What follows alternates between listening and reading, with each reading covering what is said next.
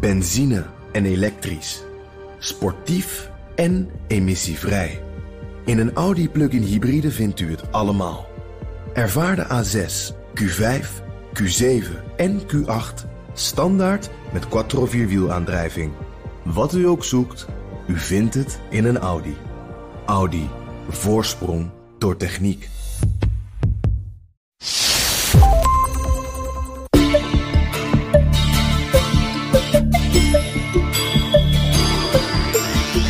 Blokkeert al jaren westerse sociale media zoals Twitter en Facebook. Chinese sociale media zijn wel toegestaan, maar de inhoud op die platformen wordt flink gecensureerd. Er is in 2013 is er een, eh, een schatting geweest van hoeveel mensen het internet censureren, parttime of fulltime. En dat waren toen 2 miljoen. Sinds enkele jaren is daar ook een nieuwe Chinese wetgeving rondom social media bijgekomen. Daardoor is een bedrijf in China nu zelf verantwoordelijk voor de inhoud op zijn platform. Dus het is aan de bedrijven, aan, aan de sociale media bedrijven zelf, om mensen in dienst te nemen die uh, op zoek gaan naar keywords, die beslissingen moeten nemen precies welke content al dan niet dient te worden verwijderd. In deze aflevering onderzoek ik, Liao Wang, hoe het gesteld is met de sociale media in China. Hoeveel censuur wordt er toegepast op de platformen? En welke rol spelen influencers hierin? Dat ga je horen in deze aflevering van de China-podcast. Van mijn gasten. Ik ben Rogier Kremers, universitair docent aan de Universiteit Leiden in het recht en bestuur van moderne China, waar ik mij vooral bezighoud met onderzoek naar China en technologie, zowel in binnenland en buitenland. En Ed Sander. Ik ben uh, China Tech Watcher, uh, spreker en studietourleider voor ChinaTalk.nl. Deze aflevering gaan we het dus hebben over social in China. En um, ja, misschien waar ik even mee wilde starten. Misschien kun jij daar iets over zeggen, Ed. Als we denken aan social in China, waar hebben we het dan eigenlijk over? Welke apps of websites of platformen, welke zijn dat? Dat ligt een beetje aan wat uh, precies de definitie is van social media natuurlijk. Maar als we daarbij meenemen uh, uh, user-generated content. Dus ja. um, dan heb je onder andere heb je natuurlijk WeChat. Dat is meer een, een social network. hoewel niet zo open als, als Facebook. Je hebt Sina Weibo. Dat is uh, een microblog, maar met functionaliteit die eigenlijk veel meer richting Facebook gaat. Je kunt er veel meer mee. Um, dan heb je uh, ook een aantal platforms die meer richting het dating zitten. Momo bijvoorbeeld is zo'n platform, maar ook heel erg veel community uh, vindt daar plaats. En als je kijkt naar user-generated content, dan heb je bijvoorbeeld uh, Douyin en Kuaishou voor short video. Um, dus dat zijn het, het, type platforms wat je dan eigenlijk wel, wel aantreft in China. Ja, dus je hebt ja. zeg maar WeChat, een beetje vergelijkbaar met WhatsApp. Facebook-achtig. Dan heb je Weibo, een beetje vergelijkbaar met Twitter, Facebook-achtig. Ja. En, en Rogier, als je dan kijkt naar de rol die social speelt in het leven van mensen. Um, hoe is dat in China dan, dan anders of misschien juist hetzelfde als in Nederland? Nou, dat hangt er een beetje vanaf van waar je precies naar op zoek bent. Uh, wat je natuurlijk hebt is, je hebt heel erg mainstream dingen waar de meeste mensen wel op zitten. En dat heb je bij iets als, als, als WeChat natuurlijk, uh, of, of iets als Weibo. Je hebt ook heel erg niche dingen. Dus uh, ik heb een PhD-student die bij mij schrijft over een videoplatform dat heet Bilibili. En dat is een platform in Shanghai. En dat is echt gewoon voor anime-nerds. Dus, dus dat, dat is dan heel niche ja, dat is de plaats dat is waar mensen met die uh, interesse zich kunnen verenigen en die dingen uitwisselen. En omdat je in China natuurlijk een veel grotere schaal hebt, kan dat soort niche-platformen toch ook economisch rendabel zijn en ook miljoenen mensen bevatten. Brengen, brengen Chinezen meer tijd door op hun telefoon op deze social platformen dan, dan Nederlanders bijvoorbeeld? Chinezen brengen enorm veel tijd door op hun telefoon. Uh, voor een deel heeft dat natuurlijk te maken met iets waar we in een eerdere aflevering al over spraken. Dat is, en dat is het grote verschil met China. Dat is dat sociale media in China veel meer geïntegreerd is met aspecten van je dagelijks leven. Dus je sociale media is niet alleen communicatie met vrienden of uh, lid zijn van groepen, van dingen waar je interesse in hebt. Um, maar het is ook het portaal naar heel veel dingen die je op dagelijkse basis nodig hebt. Dus je boodschappen of je voedselbezorging of je taxi die, je, die je wil bestellen of je dating. Dus dat, dat zit allemaal veel meer uh, in elkaar geïntegreerd. En het, zitten Chinezen dan alleen maar op Chinese social media apps of zitten zij ook op Facebook, Twitter, Clubhouse was natuurlijk een tijdje. Ja. Nou, het is vooral uh, Chinese apps. Uh, mede natuurlijk omdat buitenlandse social media... die zijn vrijwel allemaal geblokkeerd in, in China. Dus als er een Chinees een, VPN heeft... dan zou die wel gebruik kunnen maken van Facebook en, en van Twitter en dergelijke. Misschien als hij een hele grote nieuwsbehoefte heeft... en er zal een hele kleine groep van de mensen zijn. Als het puur alleen om de functionaliteit gaat... Dat zeg ik wel vaker... als Chinezen een VPN zouden hebben... en ze zouden Facebook openen... dan zouden ze denken van... wat is dit voor een jaren negentig app... Um, Ehm, dus dan zou het met name zou het om de content gaan als ze heel erg geïnteresseerd in zijn. Maar het is een heel klein gedeelte van de mensen die gebruik maken voor een VPN. Uh. Eh. En zoals gebruikelijk porno. Uh, er, is, er, is dus, er is dus gekeken naar wie een VPN gebruikt vanuit China. Waar wordt dat voor gebruikt? En ja, heel veel mensen hopen dan de New York Times en media en wat iets meer. Nee, het is gewoon porno. De audio-app Clubhouse was één van de westerse social media die wel zonder VPN te gebruiken was. Maar dat was maar voor een korte periode. Social media app Clubhouse is now blocked in China after a brief uncensored period. Nou, dat gebeurt eigenlijk met, uh, met alle apps. Alle platforms die nieuw zijn, die worden in eerste instantie worden die niet gecensureerd in China. Maar zodra de overheid merkt dat er veel Chinezen gebruik van beginnen te maken en dat dat op een gegeven moment ook uh, uit de hand beginnen te lopen, uh, omdat er ook bepaalde dingen besproken worden. dat heb je natuurlijk op Clubhouse. Het is ook moeilijk is dat te, te censureren en te monitoren. Dus op het moment dat daar uh, clubhouse rooms ontstonden waarin gesproken werd over Xinjiang en uh, dat mensen ook buiten China zeiden van... oh, kijk eens wat mooi dat het allemaal kan via zoiets nieuws als Clubhouse. Toen was het heel erg snel afgelopen. Dus het heeft heel erg te maken met wat het momentum... wat de impact is van zo'n sociaal medium. En als dat te groot wordt binnen China... dat hebben we ook gezien met, met Instagram bijvoorbeeld... dat hebben we gezien met WhatsApp... dan gaat het op een gegeven moment verdwijnen. Het wordt... Dus het is niet zo dat alles wordt geblokkeerd wat bijvoorbeeld over Xinjiang gaat. Maar het wordt eigenlijk pas geblokkeerd of gecensureerd op het moment dat het uh, viraal gaat of groot wordt. Ja, als je het over specifieke apps hebt, dan uh, worden die in principe pas geblokkeerd als ze te groot worden. China gebruikt de Great Firewall om websites en sociale media te blokkeren. Maar buiten de Chinezen zelf weet eigenlijk niemand hoe dit systeem precies werkt. Maar waar het in feite op neerkomt, de Great Firewall bestaat ongeveer sinds de vroege jaren 2000, dient om ongewenste informatie uit het buitenland buiten te houden. En dat begon uh, in eerste instantie met Falun Gong. Dat was uh, toen het enorm grote zorgonderwerp. En dat is dus stelselmatig meer uitgebreid naar uh, westerse media die uh, onwenselijke berichten over China verspreiden. Dus de New York Times die is in de ban gegaan uh, op het moment dat er allerlei rapporten begonnen te verschijnen over de corrupte rijkdommen van de familie van de toenmalige premier Wen Jiabao. The New York Times investigation has found that Wen Jiabao is also the head of one of China's wealthiest families. With a fortune valued at $2.7 billion in stakes in everything from hotels and insurance companies to luxury jewelers and internet startups. And needless to say, the NYT report has made the Chinese government hopping mad, as this is the first time that any media house has broken any of the three time honored taboos of Chinese society, which include not talking about democracy in China or even the democracy in Taiwan, and of course, corruption in the highest levels of the Chinese Communist Party and the Chinese government.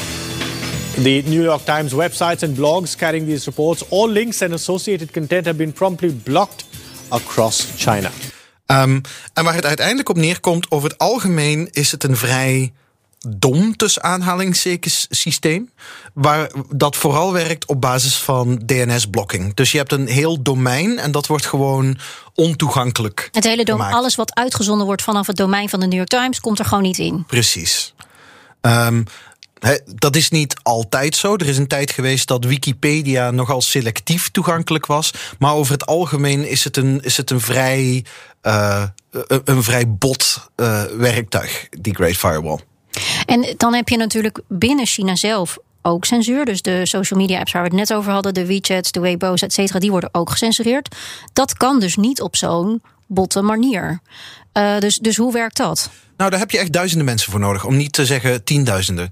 Um, dus er zijn natuurlijk een aantal onderwerpen waarvan men weet dat die sowieso altijd off-limits zijn. Um, de verantwoordelijkheid is daarvoor ook voor het grootste deel neergelegd bij de bedrijven. Dus het is aan de bedrijven, aan, aan de sociale media bedrijven zelf, om mensen in dienst te nemen die uh, op zoek gaan naar keywords, die beslissingen moeten nemen, precies welke, uh, welke content al dan niet dient te worden verwijderd. Dus, dus waarin het Westen de techplatformen er expliciet in zijn geslaagd om te zeggen: wij zijn geen publisher, wij zijn niet verantwoordelijk voor de content op onze platformen. Als daar, weet ik veel, eh, kinderporno op plaatsvindt. Nou, dat is dan inmiddels nu aangepakt. Hè? Maar ook daar is natuurlijk protest tegen geweest. Wij zijn er niet verantwoordelijk voor. Is in China dus juist gezegd. Het is, het is jouw ding. Precies. Jullie gaan hiermee geld verdienen. Nou, dan gaan jullie ook de prijs betalen om ervoor te zorgen dat de boel de spuigaten niet uitloopt. En dat gebeurt op een hele directe manier. Dagelijks krijgt uh, de censuurdesk van een internetbedrijf, net zoals dat gebeurt met traditionele media, een race soms e-mails, soms telefoons van een aantal bevoegde instanties. En dat kunnen uh, mediaregulatoren zijn, maar dat kunnen ook politiediensten zijn. En die gaan je vertellen van kijk, uh, deze inhoud of dit feit moet je op de volgende manier behandelen. Dus over sommige dingen mag helemaal niks gezegd worden. Of bijvoorbeeld die overstromingen die we pas hebben gehad. Dan kun je er donder op zeggen dat daar dan een instructie is van uh, let op voor fake news en geruchtenverspreiding.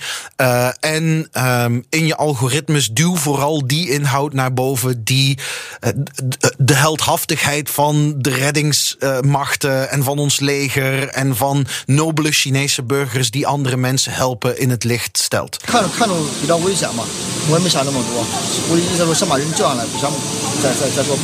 Dus het is niet alleen over inhoud weghalen, maar ook heel duidelijk over inhoud op een dergelijke manier presenteren dat een bepaalde lijn de boventoon voert. En daar gebruikt de Chinese overheid volgens Ed een waar internetleger voor. Er is in 2013 is er een, uh, een schatting geweest van hoeveel mensen het internet censureren. Parttime of fulltime. En dat waren toen 2 miljoen, was de, was de schatting. 2 miljoen mensen. 2 miljoen, waarvan 60.000 op dat moment um, dat fulltime deden. Dat was echt hun, hun werk. Over alle verschillende internetbedrijven verspreid. Ik denk dat dat er van die fulltimers, dat dat er nu meer zullen zijn. Omdat je ook te maken hebt met video, wat, wat lastiger is. Die internetbedrijven als die gebruiken wel uh, machine learning om bepaalde filmpjes bijvoorbeeld te flaggen van hier zou wel eens iets mis mee kunnen zijn. Daar moet even iemand naar kijken. Dus ze zetten wel tools in. Maar je hebt enorm veel mensen nodig. Je hebt, uh, wat Rogier al zei, duizenden mensen per internetbedrijf nodig om die content te monitoren. En waarom doen ze dat? Uh, simpelweg omdat ze inderdaad verantwoordelijk zijn voor wat er op hun platforms verschijnt. En professor, een professor uit Amerika, Perry Link, die heeft ooit heel mooi uitgelegd. Van, je moet je dat een beetje voorstellen als een, een anaconda in een kroonluchter die boven je hangt. Je weet continu dat hij er is. Als je je gedraagt, dan blijft hij daar wel hangen. Maar als je een keer een verkeerde stap neemt. en je gaat over de schreef. dan kan hij in één keer kan hij omlaag komen donderen. en dan kan hij je opvreteren. Dus, dus daarom eh, is het ook zo dat eh, de meeste internetbedrijven. waarschijnlijk nog meer censureren dan eigenlijk van ze verwacht wordt. Better safe than sorry. In hoeverre zijn mensen zelf ook houden ze al rekening bij voorbaat met die censuur? Of denken mensen zelfs juist, nou, ik, probeer het gewoon en als ik gecensureerd word, ja, dan zwaar, dan is dat zo. Ja. Nou ja, eh, ook daar geldt dat er een zelfcensuur is. Hè. Naast de censuur die het internetplatform toepast, weet elke Chinees ongeveer wel wat de grens is wat wel en niet kan. Nou, ik probeer het zelf regelmatig uit op, op WeChat. Dan, dan post je iets en dan ga je vervolgens aan je vrienden vragen: van heb jij mij een foto of heb je mij een bericht ontvangen? En dat gaat tegenwoordig heel erg slim, want wat ze dan doen als jouw eh, bericht eigenlijk niet door de beugel kan, of jouw foto of wat je dan ook post, dan wordt dat niet doorgestuurd naar jouw vrienden. Maar het wordt wel getoond in jouw eigen timeline. Oh, dus jij hebt het niet door? Nee. Dus, dus mensen die denken van... Hey, ik heb dit gepost, er is niemand die dat liked. Er is niemand die, die erop reageert. Dus jij denkt niemand wil dit zien, dus Inderdaad. je stopt ermee. Ja, dat is heel duivels. en heel slim. En volgens Ed is er nog een reden... waarom de Chinese overheid de social media in de gaten houdt. Wij denken natuurlijk dat er geen democratie bestaat in, in China. En uh, dat bestaat er ook niet in onze vorm dat je je stem uitbrengt op een persoon of op een partij. Um, en dan wordt gekeken wie de meeste stemmen heeft. Maar China zegt zelf dat zij wel degelijk een, een vorm van democratie hebben. Dat zij luisteren naar het volk. En uh, ik denk dat dat ook waar is. Dus ze zullen zeker op uh, social media... zullen ze gebruiken als een, een, soort van pijlstok... om het sentiment onder de mensen te meten. En er gebeuren regelmatig gebeurde zaken. Nou, we, we hebben er de afgelopen uh, maanden natuurlijk een aantal voorbij zien komen... bij ingrijpen in techbedrijven... die echt wel deels te maken hebben ook met het sentiment onder de mensen. Um, dus dat is een andere soort vorm van democratie uh, dan dat wij kennen, maar waar social media ook voor uh, gebruikt wordt. Politiek wetenschappers spreken wel eens graag over het, uh, het dictatorendilemma. En het idee van het dictatorendilemma is dat ook als dictator, als je een beetje wil besturen op een manier zodat mensen blij met je blijven, moet je weten wat ze nodig hebben en moet je weten eh, hoe de vlag erbij hangt. Alleen in een dictatuur gaan mensen, zijn mensen natuurlijk veel minder snel geneigd om de waarheid te spreken. En is het achterhalen van die kennis dus een stuk moeilijker. Wat je ziet is dat een aantal Chinese mediabedrijven, waaronder de People's Daily, uh, intussen dus uh, dit soort publieke opinie monitoring bedrijfjes hebben opgezet. waarbij hun hoofdklanten de staat zijn. Uh, Xi Jinping krijgt elke ochtend een stapel met papieren van de dingen die hij moet weten. En bovenop ligt een dagelijks, uh, een dagelijks rapport van de People's Daily uh, publieke opinie monitoring afdeling. over waar het nu weer. wat, is, wat is er aan het trenden? Waar zijn mensen boos over? Nou, waar zijn mensen boos over? Waar zijn ze blij mee? Uh, wat moet ik weten? En dat is voor een deel natuurlijk een uitweg uit dat dictatorendilemma. Eh, dat je ervan uitgaat dat je, als je een plek in de gaten kunt houden waar mensen redelijk vrij uit praten, dat je daar wel een hoop kennis uit kunt halen. Zonder dat, en dat is natuurlijk wat eh, de Chinese Communistische Partij zoveel mogelijk probeert tegen te gaan. Het is een Leninistische partij. Leninistische partijen houden graag het monopolie op alle politieke besluitvorming. Kijk, als je verkiezingen organiseert, dan geef je de besluitvorming in handen van het, het electoraat. Maar wat je nu doet, is je houdt je besluitvorming binnen je eigen partij. Maar de kennisscharing, die heb je wel. Een belangrijke rol is hierbij weggelegd voor influencers. In China worden deze aangeduid als Big V's, waarbij de V staat voor het geverifieerde account van zo'n influencer. Die big V's, dat waren hele invloedrijke personen, zakenlui, maar ook wel celebrities. En die hadden vaak een redelijk uitgesproken mening. Die waren soms ook best wel uh, kritisch over de overheid. En ik weet nog, het allereerste artikel wat ik heb geschreven over China, dat ging erover dat we destijds dachten dat social media echt een hele grote verandering teweeg zou brengen in China. Dat kwam onder andere door een, eh, een, een treinramp in Wenzhou. Er waren twee snelheidstreinen die zijn op elkaar geklapt daar. En daar, mensen hadden het gevoel dat de overheid dat een beetje onder het tapijt probeerde te vegen. Toen kwam er heel erg veel negativiteit, heel erg veel kritiek kwam er op uh, social media. Of course we should put the emphasis on people, but the here the problem is the government accountability. Some leaders should be accountable for, for what they said, and particularly the Ministry of the Railroad. I think that gigantic institution should be really reviewed whether there's a need for that institution to exist. Vervolgens heeft dat geleid ook tot een periode dat er op social media heel erg veel geklaagd werd over lokale overheidsambtenaren. Je had onder andere Biao Ge, um, Watch Brother. Die werd gefotografeerd, dat was een overheidsambtenaar. Die werd gefotografeerd op een snelweg waar een ongeluk was Er was een, een bus op een, eh, een, een, tankwagen geklapt, in brand gevlogen. En die was gefotografeerd op het moment dat hij toevallig stond te lachen. Nou, dat werd hem niet in dank afgenomen, die foto. Dus mensen die hebben toen een, wat ze noemen, een human flash search hebben ze gedaan. En die kwamen erachter, die vonden allemaal verschillende foto's van die man... dat, dat hij allerlei verschillende hele dure horloges had. Wel iets van 10, 12 verschillende horloges. Daar hebben ze over geklaagd. En daar is op een gegeven moment een, eh, een, een onderzoek naar ingesteld op het moment dat die big V's, um, die daar ook vaak een mening over hadden, te veel zeggenschap begonnen te krijgen, dat er te veel volgelingen eigenlijk ook, toen is er ingegrepen. Dat is heel interessant. Wat er eigenlijk is gebeurd is, uh, Weibo was natuurlijk open. En dus kon je op Weibo ook gewoon miljoenen volgers hebben. Uh, er waren mensen met 30, 40, 50 miljoen volgers. Uh, en het probleem van de Communistische Partij, ook bij die treinramp, is: kijk, als iemand 50 miljoen volgers heeft, dan kun je natuurlijk op bijna lichtsnelheid een enorm groot deel van de Chinese bevolking um, bereiken met informatie die viraal gaat. Ja, daar dus kan je niet tegenop censureren. Daar kun je niet tegenop censureren. Dus, dus hè, uh, in 2013 uh, is er de beslissing genomen van dat moeten we gaan temmen. En de persoon die dat is gaan temmen is ene Lu Wei, op dat moment uh, vice-burgemeester van Beijing en verantwoordelijk voor propaganda daar. En die heeft dat op een hele interessante, incrementele manier gedaan. Dus die is eerst met een heel aantal van die Big V's, daar wonen natuurlijk heel veel van in Beijing, is hij in een luxe restaurant bij Tiananmen, uh, is hij lekker gaan eten. En de boodschap was, jongens, zou het niet leuk zijn als we allemaal een beetje vriendelijk voor elkaar zouden kunnen zijn? Nou, toen hadden er al een paar de boodschap begrepen. Voor zij die de boodschap niet hadden begrepen. En hoe, hoe merkte je dat, dat er een paar de boodschap hadden begrepen? Wat gingen zij anders doen? Uh, dan, gaan ze, dan gaan ze een beetje vriendelijker zijn voor de overheid. Of ze gaan wat sneller wegblijven van bepaalde onderwerpen. Minder kritisch. Uh, Precies, minder kritisch. Ze worden wat selectiever met informatie die ze, uh, die ze retweeten. Maar dus natuurlijk een heel aantal hadden de boodschap nog steeds niet begrepen.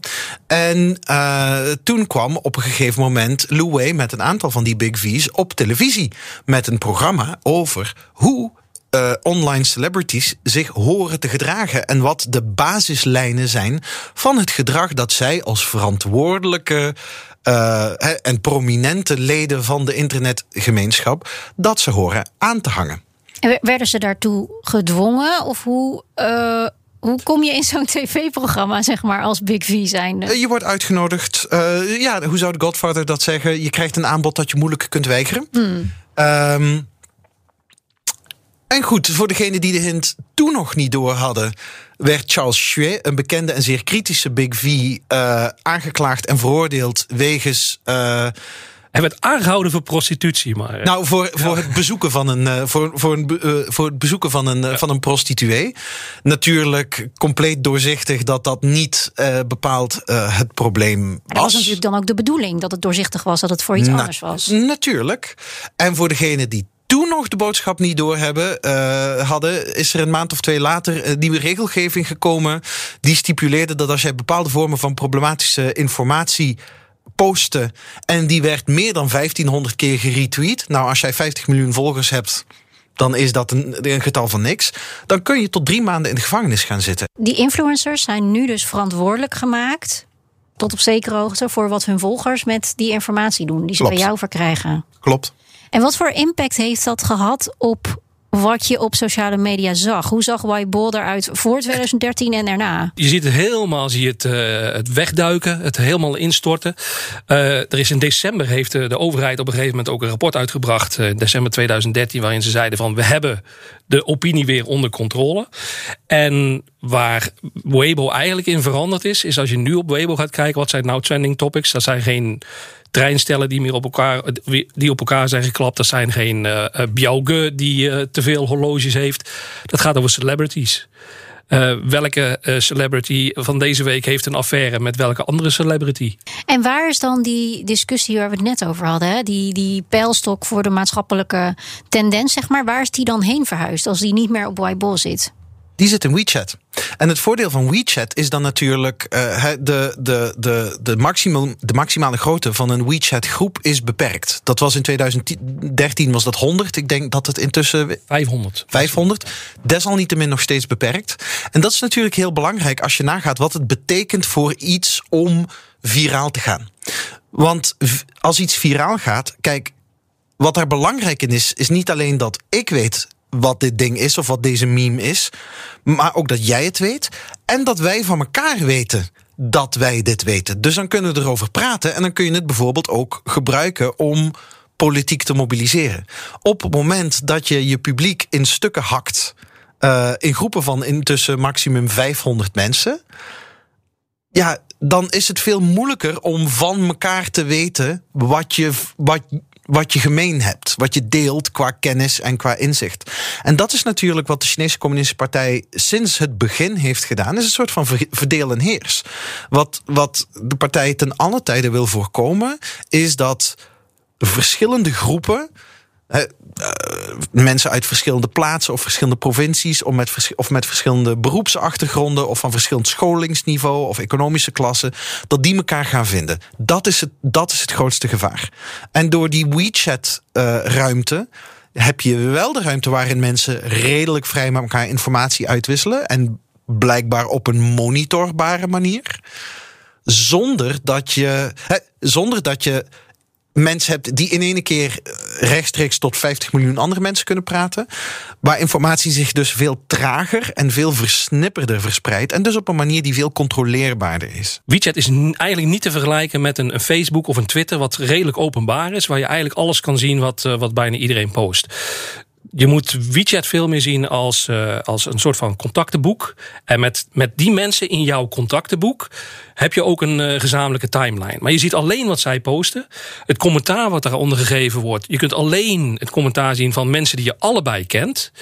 En daardoor, een mooie vergelijking die ik wel eens heb gehoord, is dat als je kijkt naar Weibo, dat is meer een groot publiek plein. Waar als je roept iets en iedereen die kan dat horen. En wat je roept, dat wordt heel erg goed in de gaten gehouden natuurlijk. Maar WeChat is veel meer een knusse kleine huiskamer van personen die je allemaal kent. Maar het is geen hele grote groep. Je kunt inderdaad wel in een, een WeChat groep terechtkomen met 500 uh, man. Maar het blijft allemaal heel klein eigenlijk. En, en dat, dat, ja, dan komt de, de, de, partij heel erg goed uit natuurlijk. Want het is veel makkelijker te beheersen.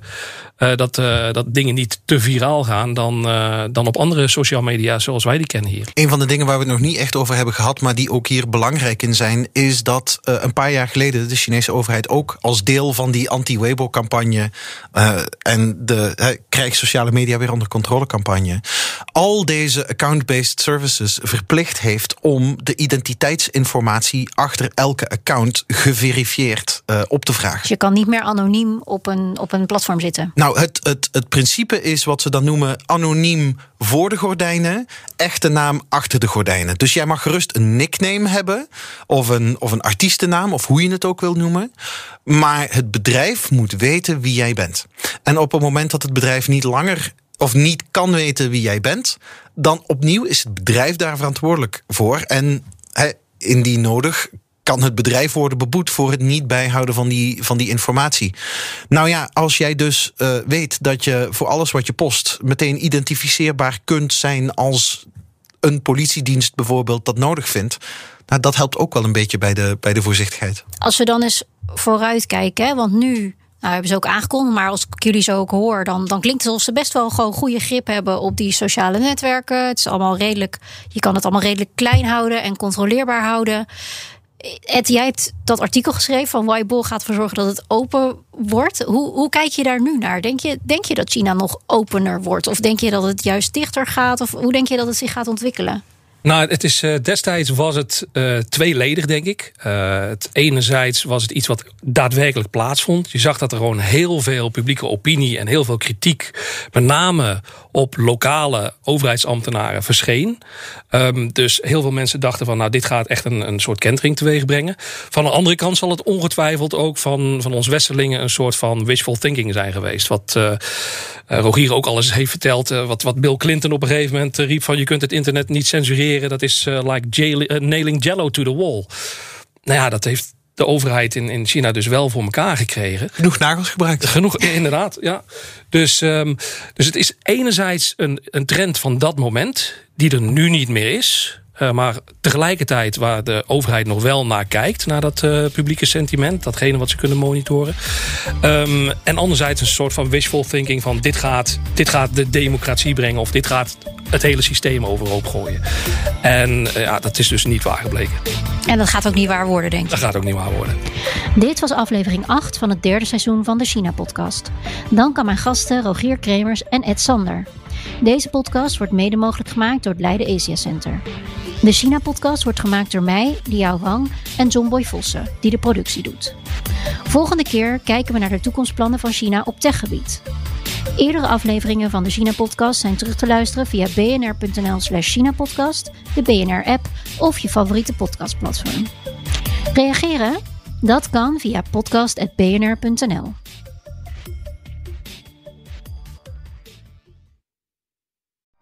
Benzine en elektrisch. Sportief en emissievrij. In een Audi plug-in hybride vindt u het allemaal. Ervaar de A6, Q5, Q7 en Q8 standaard met quattro vierwielaandrijving. Wat u ook zoekt, u vindt het in een Audi. Audi. Voorsprong door techniek.